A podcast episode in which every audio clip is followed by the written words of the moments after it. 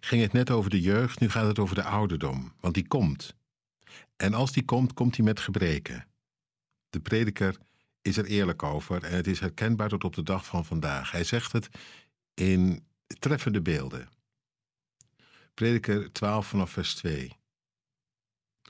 Voordat de zon verduistert, de sterren en de maan niet langer stralen, de lucht ook naar de regen grauw van wolken wordt, de dag waarop de wachten trillend voor het huis staan, de soldaten kromgebogen voortgaan, de maalsters langzaamaan verdwijnen, de vrouwen uit het venster staren en een schaduw lijken.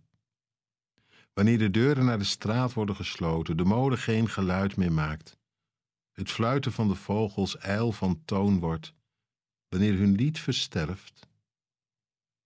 Je durft geen heuvel te beklimmen, de weg is vol gevaar. De amandelboom behoudt zijn wintertooi, de springkaan sleept zich voort, de kapperbes droogt uit. Een mens gaat naar zijn eeuwig huis. Een klaagzang vult de straat. De beelden rollen over elkaar heen, maar het is heel duidelijk. Het licht gaat uit. Het is als een donkere, bewolkte wintertijd, die ouderdom. De wachters, ze staan te trillen. Je staat te trillen op je benen, zo gezegd. Soldaten die kromgebogen voortgaan. Eerst was je fier en recht, maar nu. De maalsters verdwijnen langzamerhand. Zo ging dat vroeger. Het gebit viel uit. Je zat met een tandeloze mond. Vrouwen uit het venster ze staren en zien alleen nog schaduwen. Staar in de ogen is blijkbaar een hele oude ziekte, waar mensen toen ook al last van hadden. De amandelboom. In wintertooi. Dat betekent de kleur is eruit. Je bent grijs en wit geworden. Een sprinkhaan die zich voortsleept, zo levendig als je was. Zo moeilijk kun je nu uit de voeten. Een kapperbes die uitdroogt. Zo ziet je huid eruit.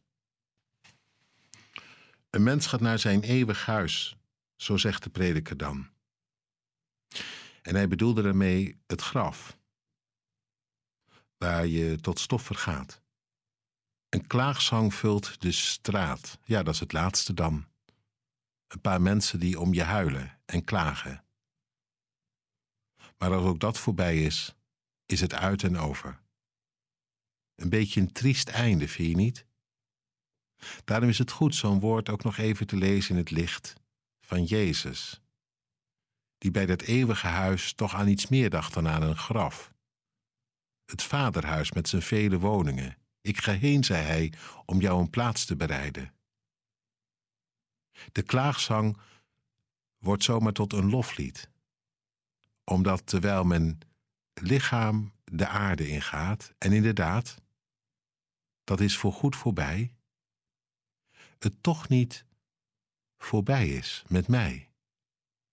Opgenomen in heerlijkheid, mijn geest, mijn ziel, geborgen bij God de vreugde in. En voor mijn lichaam? Ja, dat kon de prediker ook nog niet weten. Maar zowaar Christus is opgestaan, een heel nieuw begin.